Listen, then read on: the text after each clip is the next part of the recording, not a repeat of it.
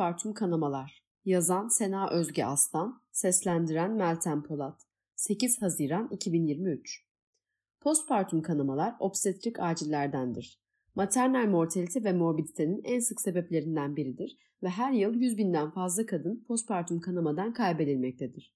Erken ve geç olmak üzere ikiye ayrılır. Primer erken postpartum kanama. Doğum sonrası ilk 24 saat içinde gerçekleşen kanamalar olup hızlı seyirlidir ve mortalitesi daha yüksektir. Doğumların %4 ila 6'sında meydana gelmektedir. Sekonder geç postpartum kanama doğumun 24 saat sonrasından 12 haftaya olan daha kronik seyirli süreci kapsar ve mortalitesi erken kanamalara göre daha düşüktür. Tüm doğumların %1 ila 3'ünde izlenir. Dünya Sağlık Örgütü doğumdan sonraki ilk 24 saat içinde 500 mililitre veya daha fazla kan kaybı veya aynı anda 1000 mililitre veya daha çok kan kaybı ve hemodinamide bozukluğa yol açan, hayatı tehdit eden kan ve kan ürünlerinin replasmanı gerektirecek kanamaları erken postpartum kanama olarak tanımlıyor. Postpartum kanamanın en sık sebeplerini 4T ile kısaltabiliriz. Tonus, uterin atoni, travma, leserasyonlar, rüptürler, hematom, tişu, doku, plazenta veya doku retansiyonları, plazenta abnormallikleri, trombin, koagülopati. Postpartum kanamaların başlıca risk faktörleri arasında plazantanın erken ayrılması, plazenta previa, çoğul gebelikler, preeklemsi, eklemsi, nulliparite, postpartum kanama öyküsü, obezite, acil sezeryan, elektif sezeryan, makrozomi, uzamış doğum eylemi, plazenta retansiyonu yer alır. Postpartum kanamalarda evreleme. ATLS'de hemorajinin yol açtığı şok evrelemesi mevcuttur. Ama bu sınıflamada hamileler hariç tutulmuştur. CMQCC ise postpartum kanamanın ciddiyetini 4 evreye ayırmıştır. Evre 1 her doğum yapan hasta. Evre 2 kan kaybının vajinal doğumla 500 mililitre ve daha fazla olması veya sezeryan doğumla 1000 mililitre ve daha fazla devam eden kanama veya belirtileri yani kalp hızının 110 atımın üzerinde olması, kan basıncının 85'e 45'in altında olması, satürasyonun 95'in altında olması, şok indeksinin de 0.9'un üstünde olması veya konfüzyon olması durumu. Evre 3, devam eden kanama veya hemodinamik instabilite ve 1500 mililitrenin altında kümülatif kan kaybı. Evre 4, kümülatif kan kaybının 1500 mililitrenin üzerinde olması veya 2 üniteden daha fazla eritrosit transfüzyonu veya vital instabilite veya dik şüphesi olması. Şok indeksi Gebe olmayan popülasyonda normal değeri 0,5 ile 0,7 arası normal iken gebe ve postpartum popülasyonda 0,7 ila 0,9 arası normal sayılır. Postpartum kanamada erken teşhis. Postpartum kanamaların %30 ila 50'si gözden kaçırılmakta ve tanı gecikmektedir. İnatçı kanamaların erken tanınması, kanama nedeninin erken tespiti, kan kaybının şiddetinin ve koagülopati varlığının erken değerlendirilmesi, kanamayı kontrol altına almak için önemlidir. Kan basıncında dramatik azalma doğum sonu şiddetli kanamanın geç bir belirtisi olarak ortaya çıkar. Çünkü kan basıncı düşmeden önce hastanın kan hacminin %25'e kadarı kaybedilebilir. İntraabdominal kanamalar özellikle aşırı dış kanaması olmayan semptomatik hastalarda her zaman göz önünde bulundurulmalıdır. Spesifik vital bulguları belirleyen standartlaştırılmış anne erken uyarı sistemleri annede mortalite veya morbiditeyi azaltabilir.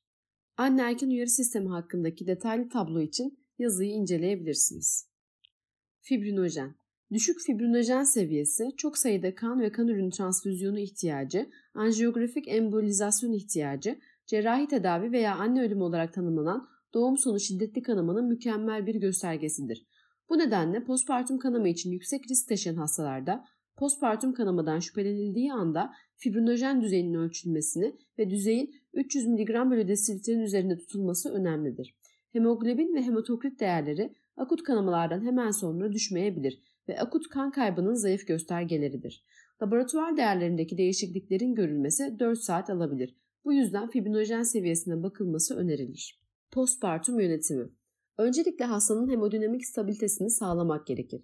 İki tane geniş damar yolu açılır. Hipoksik ise oksijen desteği sağlanır. Kardiyak monitörize edilir. Tam kan sayımı, kan grubu, cross, koagülasyon ve fibrinojen öncelikli olarak gönderilmesi gereken kan tetkiklerindendir. Hasta stabil değil ise masif transfüzyon protokolü başlatılır. Sıvı ve kan ürünleriyle transfüzyon desteği sağlanır. Cerrahi müdahale gerektirebileceğinden obstetri uzmanlarını mümkün olduğunca en hızlı şekilde çağırmak gerekir. Erken postpartum kanamaların en sık sebebi uterin atonidir. Erken postpartum kanama durumunda atoniyi değerlendirmek için uterus palpe edilir ve uterus fundus masajı yapılır. Yanıt yoksa bir el yumruk olacak şekilde vajinadaki uterusun altından ve diğer elle yukarıdan alt karın duvarına doğru bir manuel kompresyon uygulanır. Medikal tedavi Uterotonik ilaçlar uterus fundus masajı ile birlikte verilmelidir. Uterus kas tonusunu arttıran ilaç seçenekleri bulunmaktadır. Sıklıkla ilk tedavide oksitosin uygulanır. Damar yolu erişimi zorsa 10 ünite intramüsküler verilir. Damar yolu erişimi sağlanmışsa 1 litre SF'in içine 20-40 ünite oksitosin eklenir ve saatte 200 ila 500 mililitre gidecek şekilde IV infüzyon açılır. IV bolus şeklinde yapılmaması önerilmektedir. Metil ergonovin, ergonovin 0,2 mg intramüsküler şeklinde uygulanır. Preeklemsi veya hipertansif durumlarda uygulanmamalıdır. Karboprost 0,25 mg intramüsküler şeklinde ve maksimum doz 2 mg olacak şekilde 15 dakika aralıklarla 8 doz uygulanabilir. Sıklıkla bulantı ve ishal yapabileceği unutulmamalıdır. Mizoprostol 800 mikrogram oral şekilde verilebilir. Postpartum kanaması olan hastalarda koagülopati riskini azaltmak için tranexamik asit verilmesi önerilir. 10 dakikada 1 gram IV gidecek şekilde verilir. 30 dakika sonra kanama devam ederse veya 24 saat içinde tekrarlayan kanama varsa ikinci doz yine aynı şekilde verilir. Genital bölgeyi muayene etmek önemlidir. Herhangi bir laserasyon varsa sütürize etmek gerekir. Hematom varsa boşaltılmalıdır. Uterusta veya vajinada kalmış doku ve pıhtı ürünleri varsa öncelikle parmak olmak üzere diğer yöntemlerle çıkarmak gerekir. Hala tüm bunlara rağmen kanama devam ediyorsa kanamayı tamponlamak gerekir. Uterus gazlı bez veya hemostatik bezlerle doldurulabilir. Kanama kontrol altına alındıktan 24 saat sonra bezler çıkartılır. Balon tamponatlar Balonlar sistemik arter basıncında daha büyük bir basınç uygulaması sağlamak ve me- mekanik etkiyle oksitosin salınımını stimüle etmek için kullanılır. Bir foley kateter en yaygın olarak bulunan seçenektir. Ancak uterus boşluğuna kıyasla küçücüktür ve tek başına yeterli değildir. Bu yüzden birden fazla kullanmak gerekir. Bakri balon özellikle postpartum kanamalar için kullanılan balon uygulamadır. Balon 800 ml kadar hava veya sıvı ile şişirilebilir. Özofagus varislerini durdurmak için kullanılan Sengstaken Blackmore özofagastrik tüpü postpartum kanamayı durdurmak için kullanılabilir ve maksimum hacmi 500 mililitredir. Rush balon ise 1500 mililitre kadar şişirilebilir. Kondom kateter 16 numara kauçuk kateter yoluyla uterin kavite içerisine yerleştirilmiş ve 250-300 mililitre izotonik ile şişirilir. Bu prosedürden sonra profilaktik tek doz sefazolin verilmesi önerilir. Devam eden kanamalarda hastanın durumu stabil değil ise acil cerrahi girişim gerekmektedir. Devam eden yavaş kanamalarda hastanın durumu da stabil olmakla birlikte verilen tedaviler de fayda sağlamazsa girişimsel radyoloji tarafından kateter anjiyografi uygulanabilir.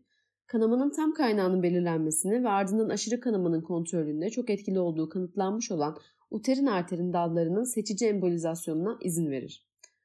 Uterin inversiyonu Uterin inversiyonu yani rahmin vajinadan dışarı çıkması durumu çok şiddetli kanamalara neden olabilir. Tedavi uterusun tekrar eski pozisyonuna getirilmesini içerir. Sıvı resütasyonuna ve masif transfüzyon protokolüne başlanır. Kanamayı durdurmak için uterusu küçültmek gerekir. Gerçekleştirmesi çok ağrılı olduğu için prosedürel sedasyon veya genel anestezi gerektirir. Uterus küçülene kadar plazenta çıkarılmamalıdır. Uterotonikler kesilip uterorelaksanlar başlanır. Redüksiyonu kolaylaştırmak için oksitosin infüzyonu başlanmışsa durdurulması gerekir. Uterusu gevşetmek için nitrogliserin 50 mikrogram IV 2-3 dakika, 5 mikrogram bölü dakika terbitolin IV infüzyonu ile başlanıp 25 mikrogram bölü dakikaya kadar titre edilebilir. Magnezyum 1 ila 4 gram IV bir diğer medikal tedavi seçeneğidir.